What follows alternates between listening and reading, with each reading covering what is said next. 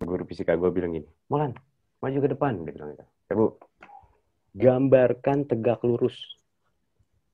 Hmm. Gue diem aja. Gue tuh kalau udah disuruh ke depan, uh, udah udah nggak bisa mikir, Hmm. nggak bisa bisa mengendalikan diri untuk tenang tuh nggak bisa. Hmm. Hmm. Jadi karena nggak tenang dan emang udah bodoh kali ya, gue nggak tahu cara gambar tegak lurus. Lo tau tegak lurus nggak? Jangan-jangan lu sama-sama bodoh sama gue lo. Bisa jadi.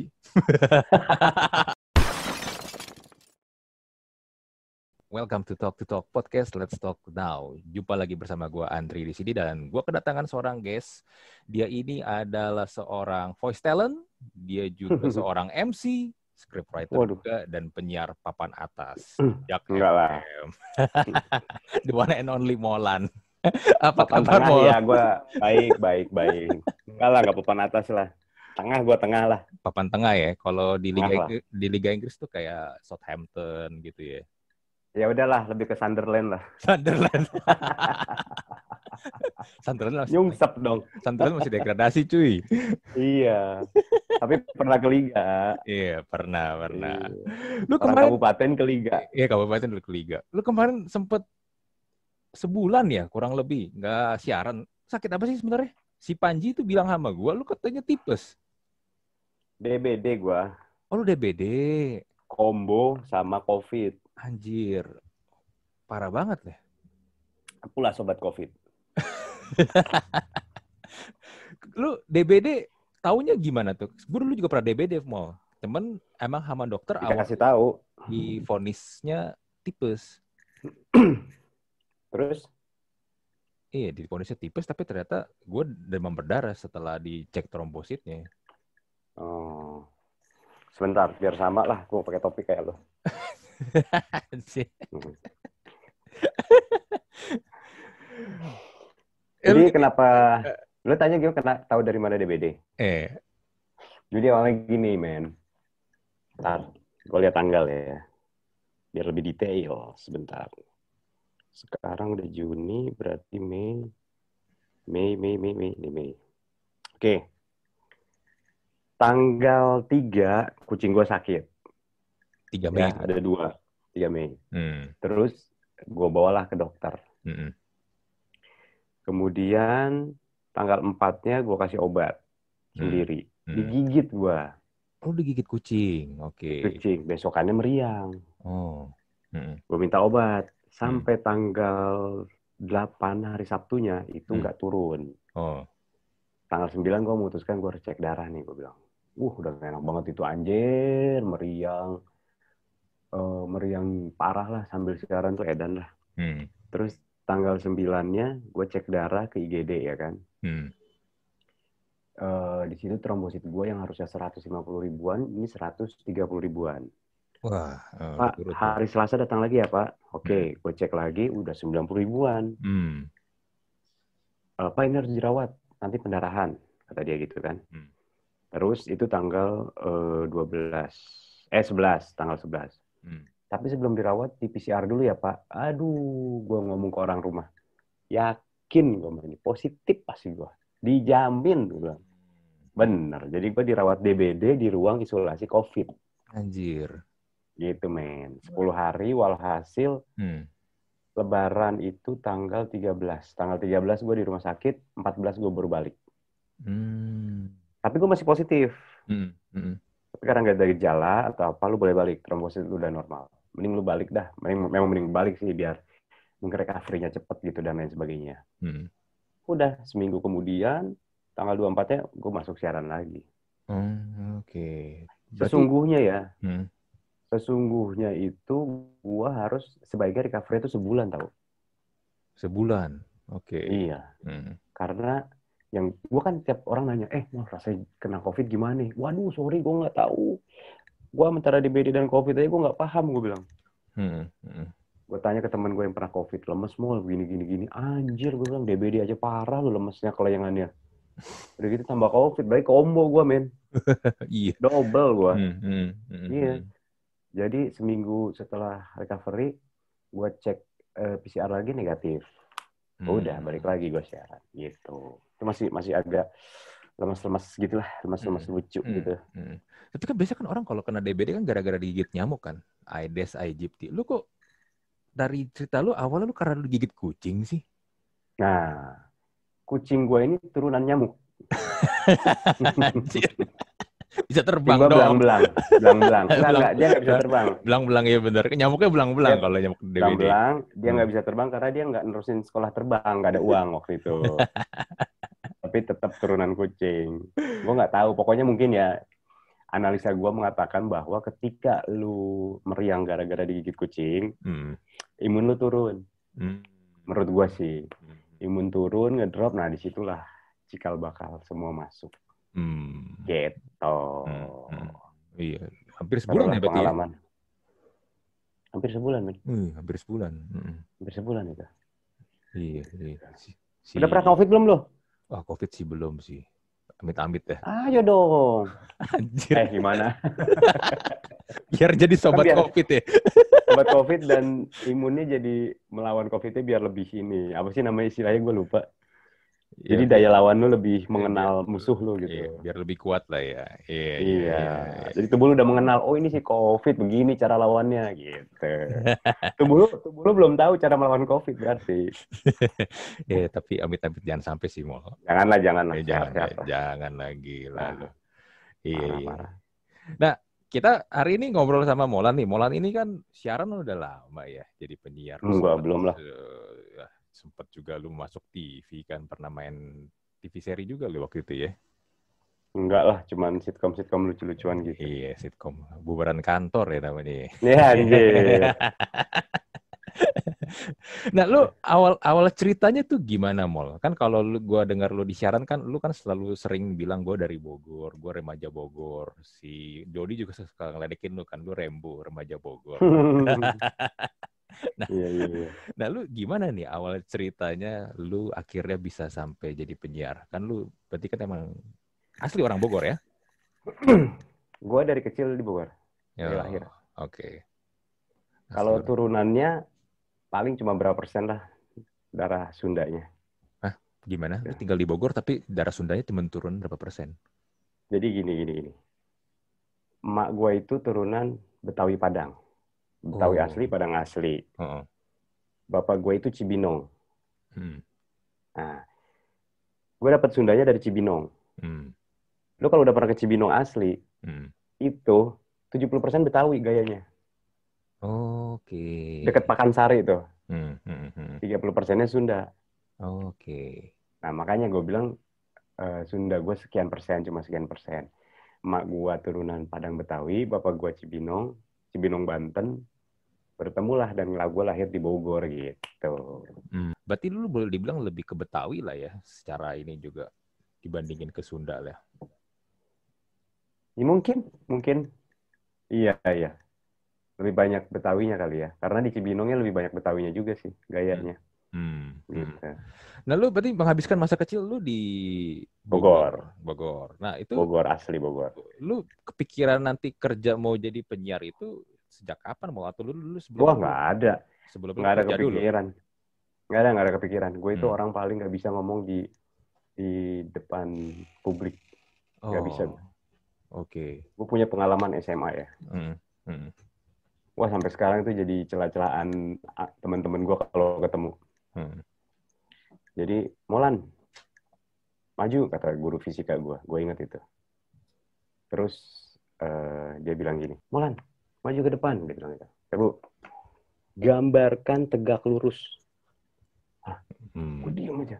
Gue tuh kalau udah disuruh ke depan, uh, udah udah nggak bisa mikir, Hmm. nggak bisa bisa mengendalikan diri untuk tenang tuh nggak bisa. Hmm. Hmm. Jadi karena nggak tenang dan emang udah bodoh kali ya, gue nggak tahu cara gambar tegak lurus. Kamu bikin tegak lurus, kamu udah kelas 3 SMA ini, tegak lurus deh. Hmm. Dalam hati gue, anjir tegak lurus apaan ini, goblok, gue bilang. Anak-anak ketawa aja. Terus gue dibilangin, kamu kalau begini lu nggak akan bisa lulus dari sekolah ini. Anjing lu nggak bisa men, bikin tegak lurus. Lu tau tegak lurus nggak? Jangan-jangan lu sama-sama bodoh sama gue lu. Bisa jadi. Bikin tegak lurus maksudnya garis kan, garis tegak lurus kan. Iya, Hmm. garis tegak lurus gue nggak bisa bikin. Ah, Oke. Gue nggak bisa bikin karena gue tuh di sini tuh weng weng weng weng weng depan orang weng weng weng. weng. Padahal cuma huruf L Iya. Tegak demam- lurus. Demam panggung kan mau itu namanya kan. Mungkin masuknya ke situ. Hmm. Nah, terus gue nggak ada kepikiran ke arah kerja di depan layar. Justru gue sukanya di balik layar. Hmm. Justru gue awal muasal kerja itu eh, jadi produksi kalau di radio. Oke. Jadi produksi itu ngedit-ngedit, bikin chart, bikin spot, bikin iklan promo, bumper, kayak gitu-gitulah. Hmm, hmm, hmm, hmm. Tapi ini pertama kali kerja berarti udah langsung ke radio nih atau ada sebelum- Oh, belum, belum, belum. Justru gue pertama kali kerja itu jadi fotografer. Oke, fotografer. Gue fotografer majalah pariwisata dulu, men. Perwisata apa nih? Bogor nih. Di Jakarta. Dulu ada namanya, dulu namanya majalah Jalan-Jalan. Oh, Oke, majalah jalan-jalan. Dulu, dulu. Hmm, Di hmm, Nugra, San, Nugra Santana gedungnya. Di Sudirman situ. hmm, hmm. gue jadi fotografer itu cuma kuat berapa bulan gitu. Cuma berapa bulan gitu. Nah, terus gue cabut dari situ. Hmm. Gue cabut dari situ. Gue kerja. Eh, dulu. Itu dulu apa itu dulu ya? Dia lupa. Oh, gue lupa ya. Sama cerita dia sendiri. Gue lupa anjing. Jadi gue tuh sebentar gue ingat-ingat ya. Ini ini Ini namanya distorsi Oh iya, benar. memori nih. fotografer dulu kalau nggak salah. Oke, fotografer dulu. Soalnya ini ngaco nih urutan karirnya ngaco gue. Kalau nggak Hmm. salah fotografer dulu, terus gua kerja jadi di peternakan. Peternakan. Lu jauh amat dari fotografer Makanya gue lupa, peternakan. gue peternakan dulu, ayam dulu ya. Oi, aku kerja di peternakan dulu apa di fotografer dulu sih? Gap. Aku dulu kerja di peternakan dulu atau di fotografer dulu ya? Ah. Oh iya, kasih. Dia nanya, dia, dia nanya ke orang lain. Ceritanya sendiri. Gue lupa gue. Iya benar, fotografer dulu. Oh, fotografer dulu. Terus Terus lu ku peternakan kan kan jauh cuy. gue kan asli peternakan gue, kuliah. Oke. Lu kuliah Hmm. peternakan di mana sekarang udah sukses. Sekarang lagi kecil-kecilan gue sukses ternak kumbang mini nih, macan kumbang mini. Anjir, Puma ya. Nih, kan kumbang. Tapi yang mini, yang mini nih. Hmm, hmm, hmm. Mau loh. Terus gue di peternakan eh, ngambil komunikasi. Gue belajar foto, video, radio, semua media gue pelajari. Dia itu program studi komunikasi di bawah Fakultas Peternakan, lucunya gitu. Gitu sih, peternakan tapi Iya. belajar komunikasi. Wah ribet lah pokoknya. Fakultas gue peternakan, kampusnya IPB belajar komunikasi. Jadi emang gue harusnya jadi penyuluh, men. Hmm, hmm, hmm. Ke petani-petani, peternak, bapak ibu, gini cara peternak bertani yang baik gitu. Harusnya kayak gitu. Soalnya dulu gue mau masuk IKJ nggak boleh sama orang tua gue. Salah satu yang ada yang bisa gue masukin itu gitu. Hmm.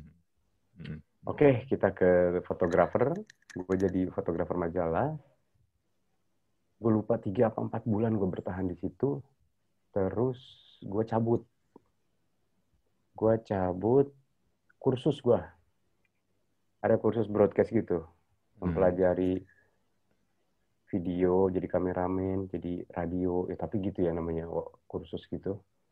Di Salemba dulu, tempat udah nggak ada alat pun berebutan apa gue kan orang nggak nggak nggak yang terlalu ngototan ya jadi belajar ya Hmm. kalau gue dapat gue pegang alat kalau nggak ya udah Hmm.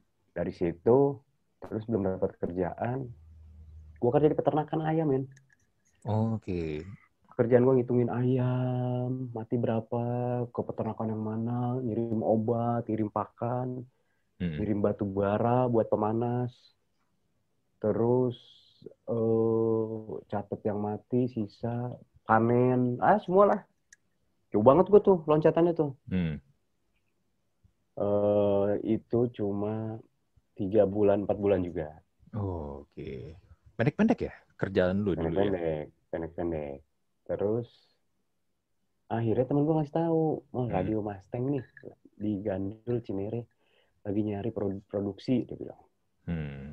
ah boleh deh gue coba deh gue coba masuk Hmm. gue gak ada ilmu tentang edit ngedit audio tapi mereka bilang ya lu bisa lu pelajari aja katanya yang penting lu ngerti musik dan lain sebagainya Hmm. urusan belajar ngedit sambil jalan dah masuk akhirnya gue dari situ gue kenal dunia radio Hmm.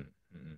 Berarti ini radio pertama lu Jadi ya, Mustang di FM ya? Gandul Mm-mm, zaman Cinere Gandul Hmm. Itu tahun berapa mau? Gandul 2001 men 2001. Oke. yes 2001. 2001 terus 20 tahun ya anjing tua banget ya Lu baru sadar. 2001 gue Iya 2001, iya 2001, 2002 itu kan lagi zaman zamannya Meteor Garden lagi famous famous ya itu. belum Oh belum. dulu gue sidul paling Oh Sidul, itu lebih lama Yes. lagi cuy. 2001 Meteor Garden tuh ya sekitar 2001 2002 sih Meteor Garden Hmm, hmm, 2001, Iya, benar. 2002. Zamannya Puisi apa berani ngehits tuh zaman Oh, itu Iya, iya, Helmi Yahya Hmm. ya. Heeh, iya sama Alia Iya. sekitar sebulan dua bulan kita pindah ke Wisma Nusantara Mustang. Nah, gue tuh produksi di tempat situ ada penyiar namanya si Okep sama si Piko. Hmm. Gue tuh sama mereka suka bercanda-bercanda gitu. Sama program director dibilangin, eh, lu siaran aja dah bertiga lah. Hai, hai nggak jelas lu katanya gitu kan. Terus akhirnya siaran hari Jumat malam dari jam 10 malam sampai jam 2. Jauh. Terus eh siaran berapa tahun ya? Hampir dua tahun kalau nggak salah tuh. Hampir dua tahun. Hampir dua tahun. Penyiar pagi eh, satu cabut. Hmm, hmm. Partnernya Rico Ceper. Pak, Jadi cuma Rico Ceper sendiri. Jadi semua penyiar diminta rolling sama Rico Ceper. Oh ganti-gantian dong, berarti nggak tetap ya?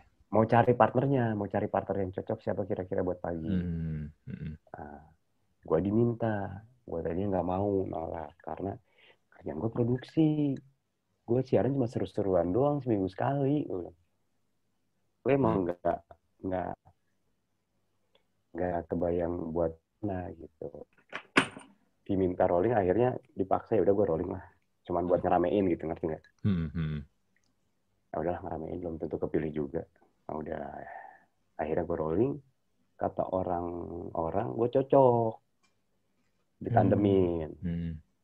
gue bilang gue kerjaan gue kan produksi ngedit susah ntar gue gini gini gini gini gini gini akhirnya deal dealannya gue siaran habis itu produksi boleh sampai jam 2 jam 3 lu boleh pulang Oh, kenyataannya oke. enggak karena kan Hmm. produksi kerjanya kapan aja dan Hmm. gue dulu tidur di studio tuh dari Senin sampai Jumat Anjir. minggu sekali pulang Hmm, hmm. iyalah masih remaja ya kan Lebih parah daripada anak agensi lo ya?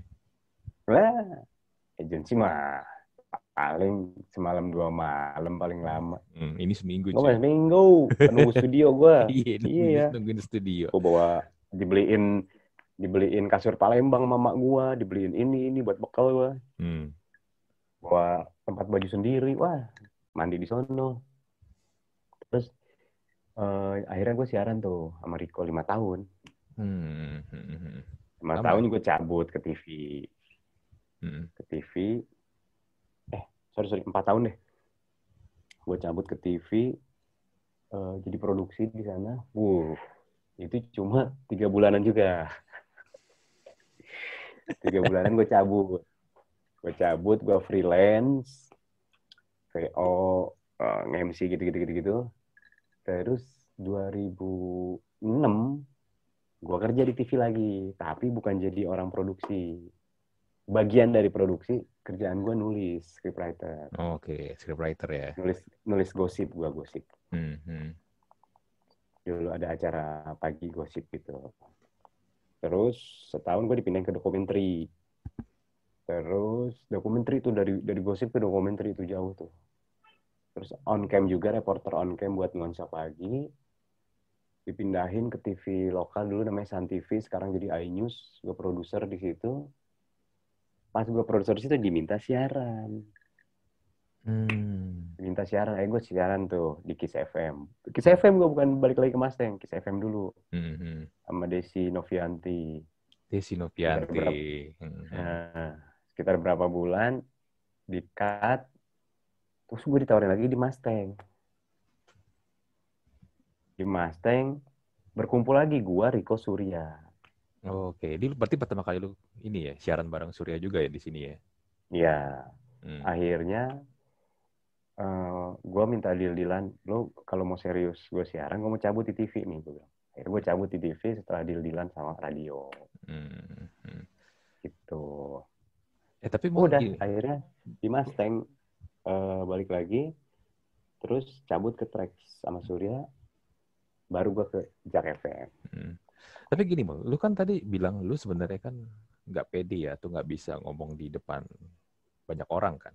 Nah, Mm-mm. lu gimana caranya ketika lu awal-awal lu siaran di radio, lu mengatasi hal ini? gue nggak tahu ya awal-awal tuh waktu siaran sama Okep sama Pikok di Jigopel yang Jumat malam itu ketika ada orang lain yang nggak gue kenal ada di studio gue nggak bisa ngomong kan diem gue Hmm, Oke. diem gue Lu ngalamin hal itu juga. iya karena gue nggak pernah training kan gue di, cuma disuruh siaran gitu ngerti nggak Hmm, hmm, bukan disiapkan untuk menjadi penyiar jadi mental gue tuh emang nggak disiapkan untuk itu gitu hmm. kan kalau training lu tahu dong nanti teknik interview atau apa apa apa dipelajari lah gitu. Gue kan Hmm. nggak mempersiapkan diri untuk itu. Hmm. Mungkin karena eh, gue udah nyemplung terus dijejelin masalah-masalah kayak gitu, mau nggak mau lama-lama ya tubuh gue menyesuaikan gitu. Hmm. Kayak gitu paling. Jadi eh, kayak gue nggak suka pedes gitu ya.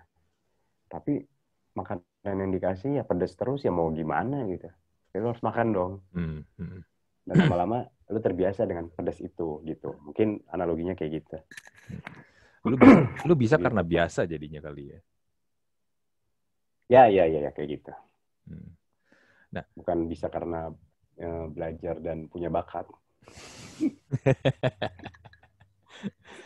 Tapi ya mulai suara lu gue bilang sih emang suara radio sih. Maksudnya suara lu suara yang memang enak deng- didengar di radio.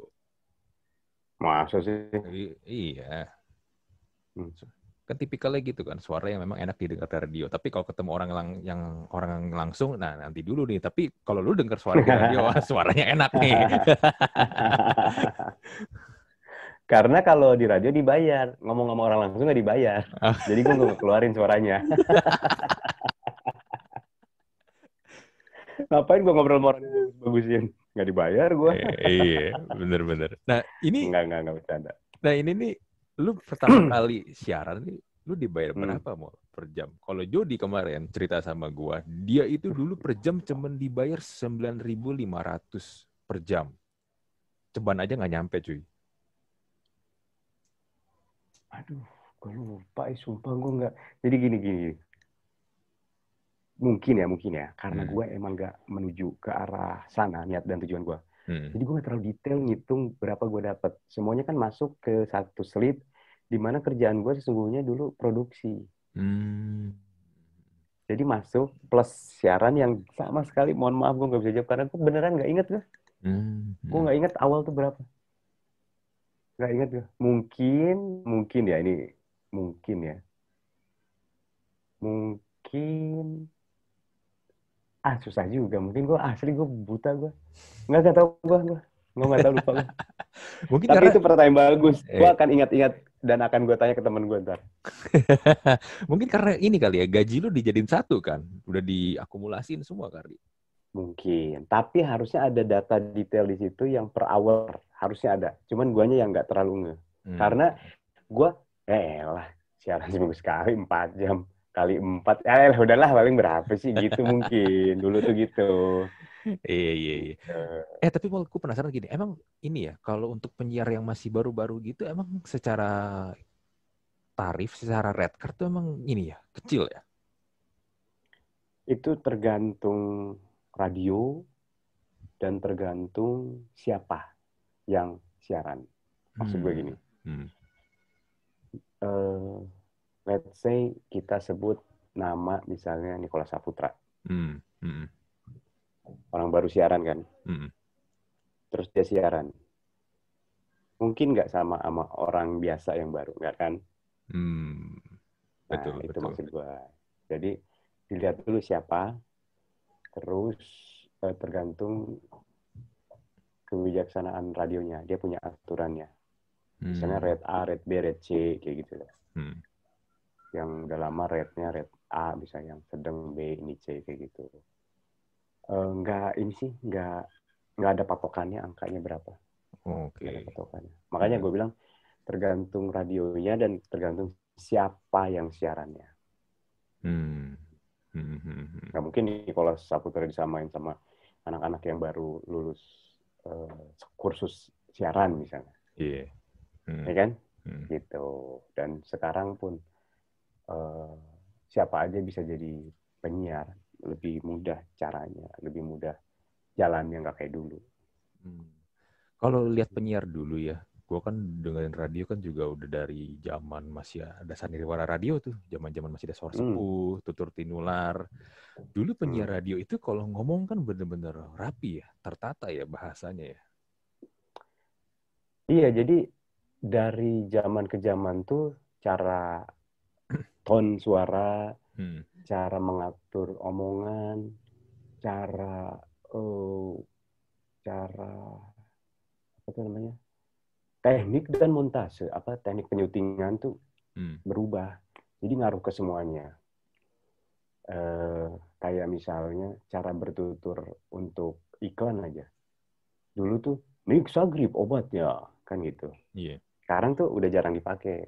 Kecuali buat lucu-lucuan. Hmm. Eh, kalau sekarang eh, sakit kepala, pakai Mixagrip. Itu udah beda tuh kan. Mixagrip obatnya. Itu kan agak yang kayak gitu. Hmm. Hmm. Yang kayak gitu-gitu berubah sesuai dengan zaman dan masanya gitu. Hmm. Hmm. Eh, kalau dulu tuh kalau siaran tuh emang emang benar diperlukan suara yang bagus. Emang harus Hmm. harus suara bagus, eh, kesempatan kecil, wah susah banget lah. Kalau sekarang, mohon maaf, mohon maaf, nggak dibutuhkan suara yang bagus. Hmm. Ya, itu Hmm. kalau menurut gua. Sekarang permainannya nggak di situ. Itu nomor sekian kalau gua, menurut gua. Yang penting tuh eh, sekarang orang bisa ngomong. Hmm. Beda kalau menurut gua. Ngomong sama siaran tuh beda. Beda, beda banget kalau menurut gua ya. Hmm. Maaf kalau beda pendapat. Jadi kalau sekarang orang banyaknya ngomong. Kalau dulu orang banyaknya siaran. Hmm. Beda, menurut gue beda. Eh itu yang merubah eh, konsep keradioan. Ya mau nggak mau mungkin harus agak luas sedikit sama ngikutin zaman gitu. Hmm. Hmm. Yang sama sampai sekarang nggak ada lain nggak bukan ya RRI program satu gitu. Anjir, Iya. program satu. Iya, iya, benar-benar. Iya, dia kan begitu terus kan. RRI Iya, lah kan bener. programnya banyak. Nah, Hmm. Hmm. ya kayak begitu. Dulu tuh kayak begitu. Hmm. Gitu. Itu RRI masih ada nggak sih yang berita itu yang cabai merah, keriting, Oh, Colgate. kentang mutu ABC. eh, kol gepeng, Pasar Turi Semarang ada. Eh nggak tahu deh, nggak tahu gue nggak tahu. wortel, wortel tanpa daun. Wortel tanpa daun, Iya. tomat gondol, Iya, cabe TW, anjir. Cabe TW anak sekarang nggak tahu cabe TW. nggak tahu. Nggak tahu. Tomat gondol nggak tahu. Iya. Eh, Dulu tuh ada satu masa kalau nggak salah ya, gue lupa, gue lupa inget nih. Tapi kalau lu ketika dengerin radio swasta, RRI itu kadang suka masuk tuh untuk nyiarin berita kayak begitu tuh. Gimana gimana? Radio swasta nyariin yang itu. Iya, radio swasta nyiarin siaran beritanya RRI. Suka ada nyelip Oh, gitu. Itu kan emang kewajiban dari negara dulu. Ada. Iya, iya, dulu kayak gitu, bener kan? Dulu kayak gitu kan? Iya. ya? Hmm. Heeh, ada di jam-jam tertentu ada yang wajib untuk di relay sama radio-radio swasta. Mm-mm. Seperti dulu zamannya TV dulu juga. Kalau TV swasta tuh dunia dalam berita tuh wajib itu. Ya karena eh, dulu ada de- departemen penerangan. Iya betul. Sekarang Bap- udah nggak ada. Bapak Harmoko. Apakah Bapak Bapak, Harmoko? Harmoko. itu? Terakhir masih nulis di pos kota kalau nggak salah. Oh ya, Masih kalau nggak salah. Pos Kota masih ada ya korannya ya? Ada kan punya beliau kalau nggak salah. Iya punya iya punya dia, tapi masih Hmm, ada ya? Iya. Ada ada Gue udah lama nggak lihat tuh Pos Kota itu. Dulu ada ada. banyak komik-komik legend di situ. Ali Ojo. Lember gal, lember cergam apa? Lembergar. bergambar. Lem, Iya. iya, lembaran cerita Benar. bergambar. Bener bener bener. Iya, iya. tua loh anjir. Eh, iya lu juga sama. gua mah tahu dari internet yang gitu-gitu. Lu kan mengalami langsung loh. Oh gitu ya. Lu searchingnya di Yahoo ya, bukan di Google ya? Gue di nyamuk.com sama lalat.com. Pondok Putri. Nah, Mul, kalau lu ngelihat sekarang radio nih, industri radio sekarang kan sekarang kan ada yang bilang juga podcast akan membunuh radio. Lu sendiri kan Hmm. sebagai seorang penyiar dan lu juga ada Hmm. podcast kan. Nah, lu sendiri Hmm. ngeliat ini gimana nih industri radio sekarang di era digital nih? Ya kalau menurut gua podcast, radio itu kayak YouTube, Instagram, Twitter, TikTok itu adalah sebuah negara yang memiliki warga yang berbeda menurut gua. Hmm. Jadi YouTube tuh negaranya sendiri, Hmm. Instagram negaranya sendiri, TikTok negaranya sendiri, ini sendiri, sendiri. Jadi radio sendiri, podcast sendiri gitu. Jadi kayak eh sesuatu hal yang emang dunianya sama, mengeluarkan audio, Hmm. Tapi negaranya beda gitu. Udah masing-masing. Hmm. Eh, kelebihan radio sama kelebihan podcast, kelebihannya tuh punya ciri khas yang berbeda gitu. Masing-masing berbeda. Yang paling gampang dilihat, didengar lah. Podcast tuh omongan panjang yang nggak dipotong. Hmm. Udah pasti itu. Hmm. Radio omongan yang berdurasi potong lagu. Itu udah beda, dunianya udah beda. Berarti cara bertuturnya juga udah beda. Dengan jumlah waktu sekian, lu harus nyampein sesuatu yang akan dilanjutkan sama lagu. Podcast dengan jumlah yang waktu yang banyak, Hmm. lu harus mengeluarkan opini lu.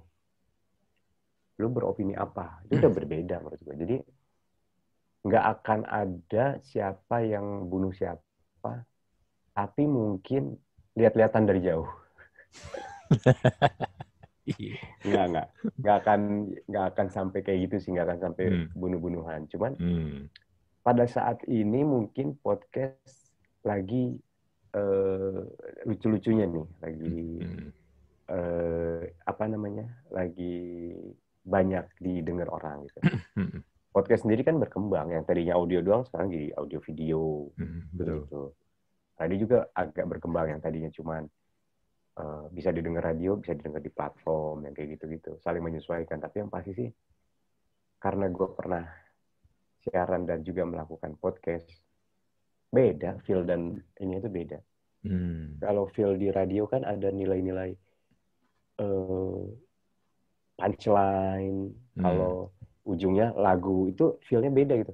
Orang ngomong punchline masuk lagu tuh feel ke pendengar tuh beda. Hmm. Hmm. Kalau di podcast orang ngasih punchline, timpa lagi, ngomong lagi, punchline lagi, gitu-gituan terus itu. Itu feel-nya Hmm. udah udah beda, Hmm. udah beda. Rasanya tuh beda ngedengerin penyiar ngomong des ujungnya dikasih gong masuk lagu tuh beda sama orang ngomong di podcast punchline ketawa-ketawa, feel-nya beda. Jadi Hmm. Hmm. menurut gua nggak saling ganggu gitu. Hmm. Mungkin yang itu es campur, yang ini es teler. Mirip, mirip, Hmm. mirip banget. Yang itu ada ketan, yang itu ada nangka, yang ini nggak ada gitu loh. Mirip sebenarnya mirip. Hmm. Gitu. Hmm. Jadi Tapi- akan ini. Tapi di podcast sendiri, apalagi kalau lihat chart di Spotify ya, itu Hmm, banyak hmm. didominasi sama penyiar radio kan? Beberapa di antaranya ya. Beberapa di antaranya. Hmm. Dan Iya.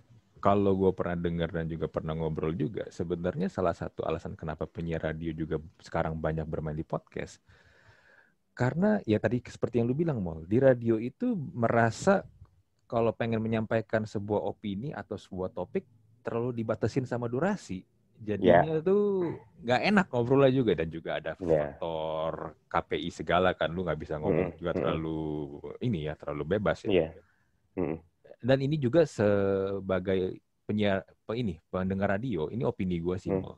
Gue kadang gini, kalau ngedengerin radio ya, kalau misalnya mau dengerin lagu, kalau terlalu banyak lagu, gue sebenarnya agak-agak nggak terlalu serak juga sih. Karena menurut gue lagu itu gue sekarang bisa puterin di mana aja. Di Spotify Oke. bisa, di YouTube bisa. Yes. Dan sebenarnya kalau gue mau dengerin radio, poin paling penting menurut gue adalah gue sebenarnya pengen denger penyiarnya tuh ngomong sebenarnya. Ya, ya betul. Tapi kenyataannya kalau yang gue lihat sekarang lebih banyak durasi lagunya dibandingin penyiarnya ngomong. Oke. Gimana menurut Dan? lu? Jadi menurut gue gini, gue juga ngerasain hal itu. Eh, Masing-masing radio itu punya segmentasi dan strategi yang beda-beda. Hmm. Ada beberapa radio yang menggunakan data like percaya banget sama data itu. Hmm.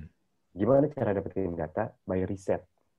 Nah, ternyata riset men- menunjukkan dan menyebutkan bahwa orang-orang lebih sekarang nih Hmm. orang-orang itu mungkin masih banyak yang mau mendengarkan lagu di radio pertimbangan ngomong.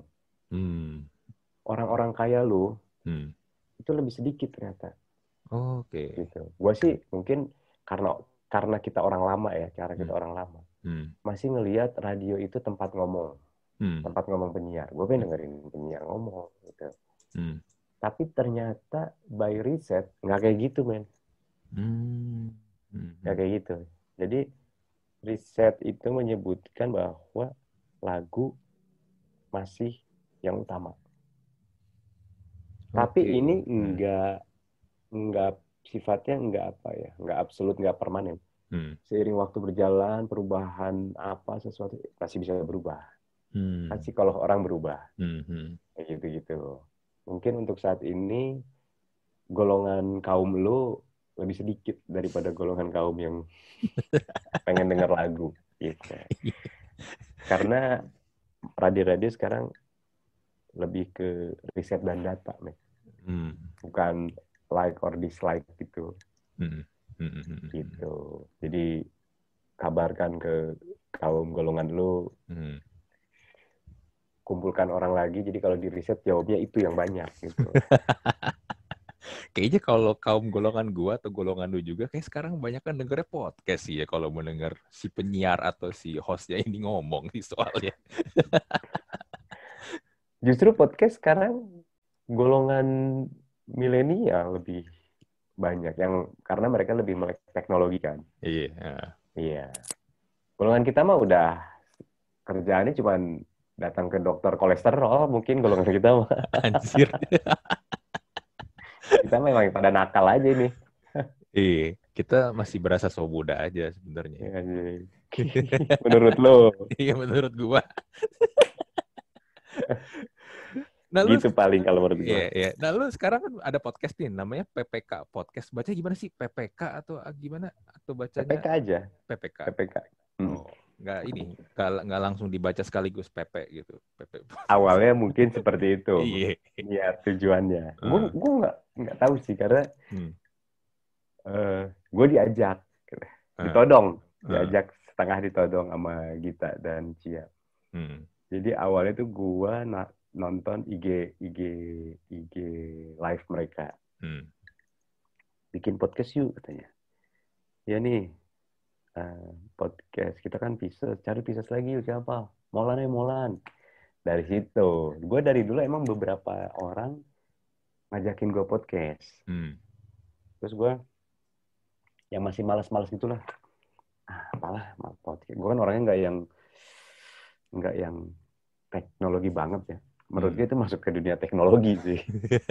Gue orangnya udah malas ngikutin kayak gitu kayak gitu. Hmm.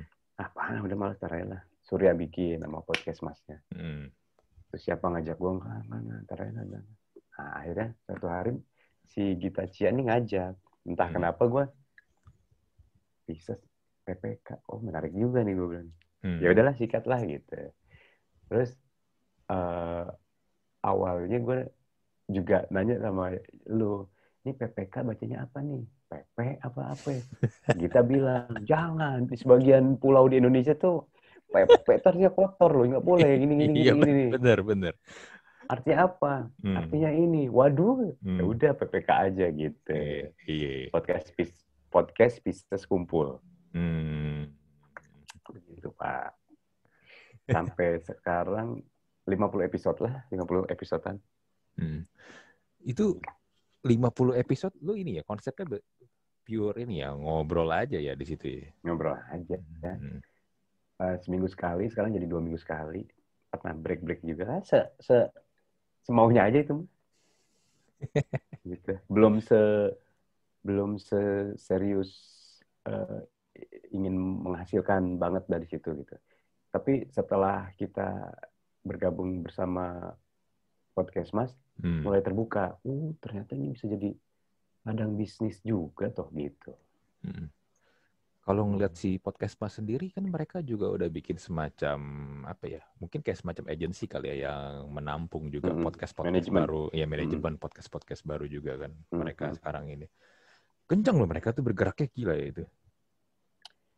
untuk di Indonesia baru bergerak menurut gue Oh, Oke. karena di Amerika di Hmm. Eropa sih Hmm. udah lama mereka eh, podcast ini kalau di sana tuh justru ya yang gue tahu ya di Inggris Hmm. apa di mana justru pemasang iklan tuh produk-produk yang nggak terkenal terkenal misalnya let's say oh barbershop Asgar misalnya Hmm, hmm. atau misalnya ayam goreng Rihanna itu lo pernah dengar nggak kayak gitu-gitu yang Hmm. lokal-lokal gitu Hmm. ada juga sih produk-produk gede kayak misalnya oh Sony misal ya atau yang kayak gitu lah gitu tapi Hmm. di sana tuh lucunya tuh ada ada produk-produk lokal yang masuk gitu di podcast mereka gitu kayak begitu Hmm. Ya kalau lu- lu lihat di Indonesia sendiri gimana nih Mo? Ini kan kalau kita lihat kiblatnya di Amerika ya, di Amerika kan lima tahun yang lalu kan podcast ini udah jadi sebuah industri yang gede lah ya, udah kayak Hmm. YouTube lah ya, udah kayak YouTube Hmm. juga lah. Nah kalau lu lihat di Indonesia nih kira-kira arahnya akan ke situ nggak nih? eh dibantu dengan masa pandemi ini sih iya arahnya ke sana Hmm. karena masa pandemi ini membuat orang jadi lebih banyak membuka gadget untuk mencari hal-hal kayak gitu menurut gue ya Hmm. Hmm. Eh, karena melihat eh, ada podcast mas yang bisa membuat agensi atau manajemen bisa sebergerak itu berarti eh, potensinya besar sekali sih menurut gue Hmm. potensinya besar sekali karena sekarang itu pemegang iklan itu kadang mencari konsep-konsep yang berbeda gitu. Misalnya Hmm. gini, Hmm. gue udah taruh di sini nih, taruh di mana lagi ya? Hmm. Gue dapat cerita dari si Bimo nih yang punya podcast horor itu. Hmm. Dia masuk produk bank, Tapi horor. tapi horor. Hmm. Lucu kan? Jadi emang Hmm. mau mau cari pangsa yang berbeda gitu. Bahkan jauh lebih mudah mencari segmen target untuk para agensi pemasang iklan itu, ngerti nggak? Hmm. Hmm. Lebih jauh lebih mudah. Oh, ini suka horor, ini suka berbau-bau kasur ranjang, ini yang dewasa-dewasa, ini yang agama-agama. Mungkin akan jauh lebih mudah. Hmm. Hmm. Masuknya lebih ke terkotak-kotak lagi, terkonsep konsep yang mereka cari itu langsung dapet gitu. Hmm. Nggak luas kayak di TV kan terlalu luas kan. Betul. Mungkin ya, mungkin ya. Mhm. Memudahkan mereka juga untuk masang. Tapi kan kalau ngelihat nih, kalau gue coba mapping ya podcast podcast ini kan memang segmennya emang kelihatan banget nih kalau si podcast A ngomongin tentang bola nih ini bakal setiap episode ya pasti bola terus nih Emang, emang. ya kan atau kalau di misalnya basket basket terus andim andim Iya. terus nih itu Hmm, hmm. ya mungkin akan lebih memudahkan si ini juga ya brand buat ngelihat nih oh gue mau taruhnya di sini nih gue lagi ngincer segmennya ini nih Iya. Beda dengan Instagram kalau menurut gue. Kalau Instagram sekarang menurut gue udah di titik jenuh yang parah banget sih. Oh. Orang Hmm. sekarang satu oh, satu selebgram itu bisa ngendorse produknya bisa dari A sampai Z satu orang loh. Hmm. Dari gue gue ya kadang-kadang nggak habis pikir gini loh. Ada satu selebgram bisa ngiklanin pemutih kulit, peninggi badan, pembesar payudara, sampai judi online, judi bola online itu jadi jadi satu.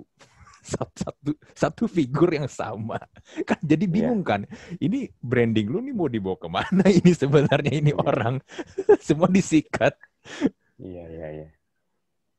Karena menurut gua balik ke orangnya. Selama menurut dia itu bisa menjadi eh, pemasukan cuan buat dia ya nggak bisa disalahin sih. iya Iya, Hmm. itu emang kalau dia emang mau mengkonsepkan diri membrandingkan gua khusus produk kecantikan, gua Hmm. khusus ini ya itu lebih baik mungkin. Hmm. Tapi kan namanya rezeki gitu ya. Iya. Orang kan, udahlah. Gitu. sikat aja Sikat. Iya. Tapi jadinya menurut gue Iya. kayak jadi kayak iklan berjalan doang. Akun IG-nya Iya. dia, akun IG-nya Mungkin ya dia. eh, tujuan akhirnya mungkin akan seperti orang ada yang dipilah-pilah, ada yang apa aja masuk gitu. Karena sayang kan. Iya sih, duit ya soalnya. Iya. Nah, lu kalau yang gue lihat ya mau lihat lu kan sama Jody kan sebenarnya juga belum lama-lama banget kan ya di duetin du- tahun 2000-an lah ya. Setahun Nah, setengah. Ya, tahun 2000-an kan kurang lebih. Nah, kan sebelumnya kan Hmm. Jo- Jody itu kan sama Feki nih. Feki, Iya. betul. Lama nih Jody sama si Feki nih dan ketika Feki cabut lu ngegantiin posisi Feki kan. Nah, gue Hmm. lihat nih sebagai pendengar joki juga, Hmm. lu berdua ini langsung cepet klop ya. Hmm. Itu itu gimana tuh? Gua justru bilang ke produser ketika gua pertama siaran sama Jody, Hmm. ini feeling gua sih eh, di atas tiga bulan nih baru cair banget, baru cair banget ya. Hmm. Kalau untuk siaran biasa sih ya bisa lah masing-masing kan udah punya pengalaman gitu ya. Iya, betul. Cuman gua ngerasa ngeblend ya banget biar soalnya dapat dan emang gue pikir tiga bulanan nih gue bilang ke Panji gitu. Mungkin lebih dimudahkan dengan eh, pengalaman yang sama gitu.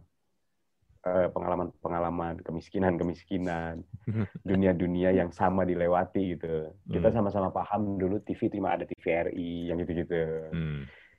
Kita paham eh, dulu ada tempat namanya eh, lipstick gitu, Hmm. M Club kayak gitu-gitu, Martabar. Jadi lebih memudahkan kita untuk saling tahu sama lain gitu.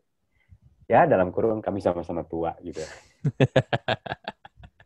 itu memudahkan mungkin gitu sih paling iya. jok-joknya ya itu lagi itu lagi tua lagi tua lagi hmm. jadi dulu gampang nyambungnya jadi dari situ ya eh, salah satunya ya hmm. salah satunya gitu padahal kalau misalnya gini kalau compare misalnya sebelum lu sama Surya plus lu sama Surya kan beda umurnya lebih ini ya lebih berasa ya dibandingin lu sama Jody kalau zaman lu sama Jody yeah. mungkin lebih sepantaran kan ya yeah. 9 tahun gue bedanya kalau nggak salah. Iya. Lumayan ya. itu, 9 tahun. Surya lebih tua dari gue.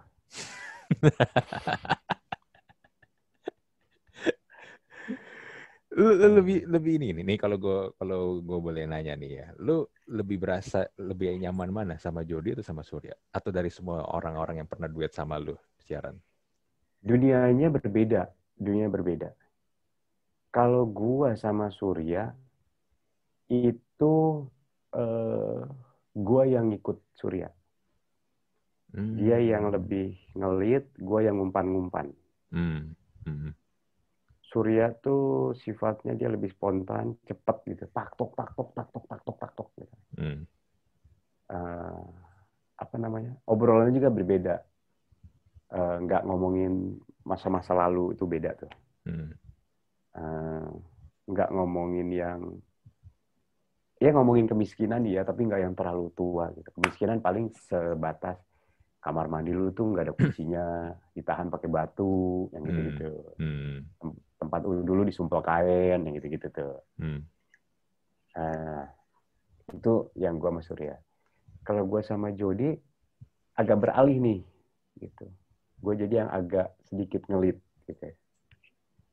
Sedikit ngelit eh eh, talk show-nya, eh acaranya. Hmm. Terus obrolannya nggak yang pak pak pak pak pak pak pak lebih ke tang tang tang tang tang tang karena umur juga kali ya. Kalau kalau lihat Jadi- si Jody juga di ini kalau yang gue lihat ya mulai sorry kalau gue Hmm. potong nih. Jody itu Hmm. lebih ini sih ya, lebih, emang lebih ke tipenya lebih yang ini, yang umpan. Dia tuh lebih bisa Ya karena lebih bisa nahan gitu. ya makanya di situ gue oh, oke yang tadinya gue ngikut Hmm. kayaknya gue harus ambil alih posisi agak ngelit gitu. Hmm. Kalau gue masih membawa eh, karakter gue yang dari lama radio lama ke jak ke jak sama-sama ntar dua-duanya nunggu-nungguan. Hmm. Bener. Makanya gue agak ambil alih sedikit itu. Hmm. Hmm. Gitu. Hmm. Walaupun lu yang berapa kali suka ini ya bermain hampir ke ujung jurang ya. Gue sih niat gue menjebak Jody untuk masuk jurang dia, biar Hmm. dia yang kena KPI, gue enggak. Biar dia yang dipenjara. tapi tapi gue masih inget gue kan juga pernah berapa kali kan di ini kan ya ditelepon sama Panji eh lu coba ini ngisi ada topik ini kan sama lu orang berdua Mm. gue masih inget banget tuh yang apa yang lagi topik obrolan itu pernah nggak boker di sekolah Oh iya iya oke Iya, oke oke. iya iya iya, boker di Iya iya. kita kan gini gua kita emang nggak janjian ya tapi dari awal kan kita udah bilang kalau boker itu kita ngomongnya PUBG ya kan Hmm. biar lebih Mm. tapi akhirnya dia yang kepleset juga kan ngomong boker berapa kali itu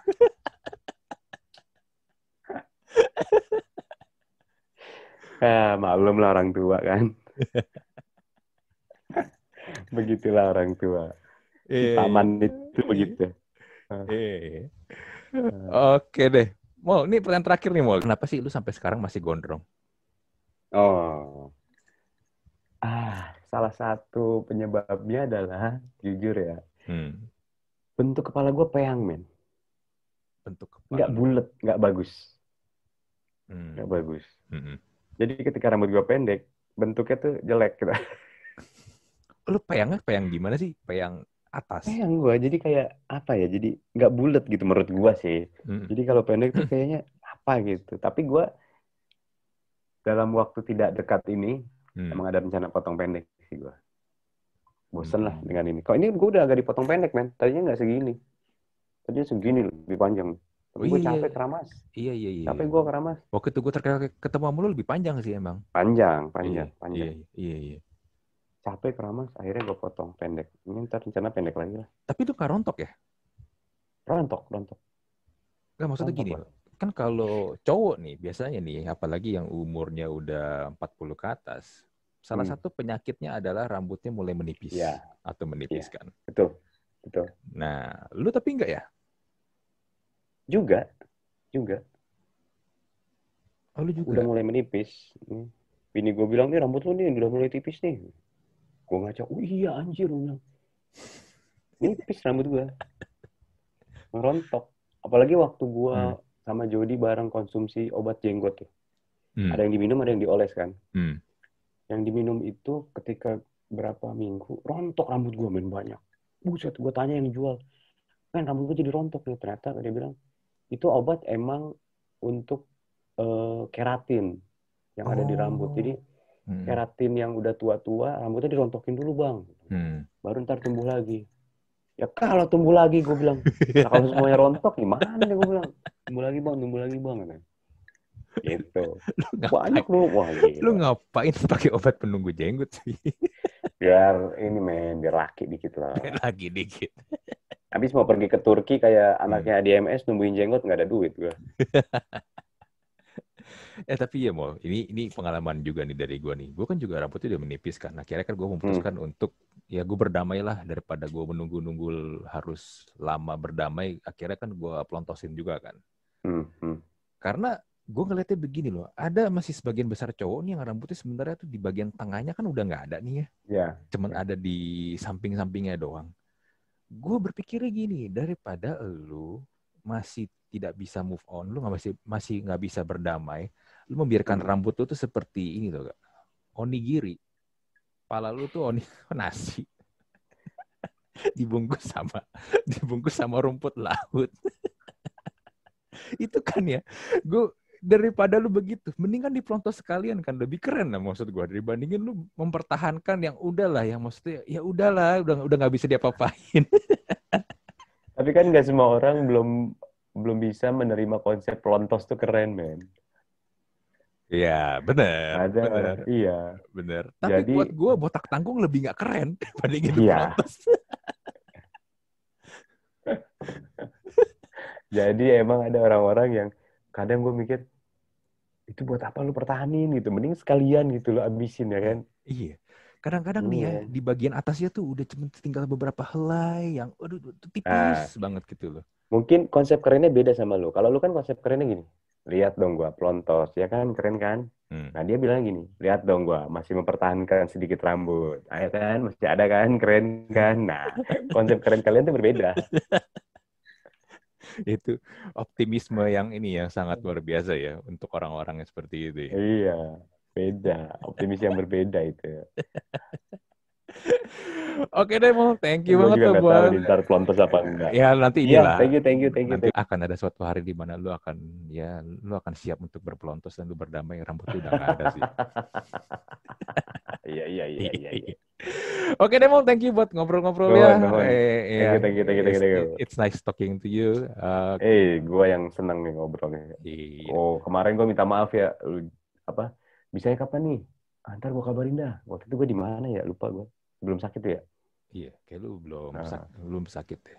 Mungkin lu Terus kemarin, ntar lah, Jumat, eh apa, Sabtu Minggu gue bilang. Hmm. Iya, iya, iya. Maksud gue, ngaturnya takut eh, ribet dan kelamaan, sorry ya. ya nggak apa-apa, Mo. Gue ngerti kok. Hmm. Lu lagi sibuk di ini kan tugas di Wakanda soalnya.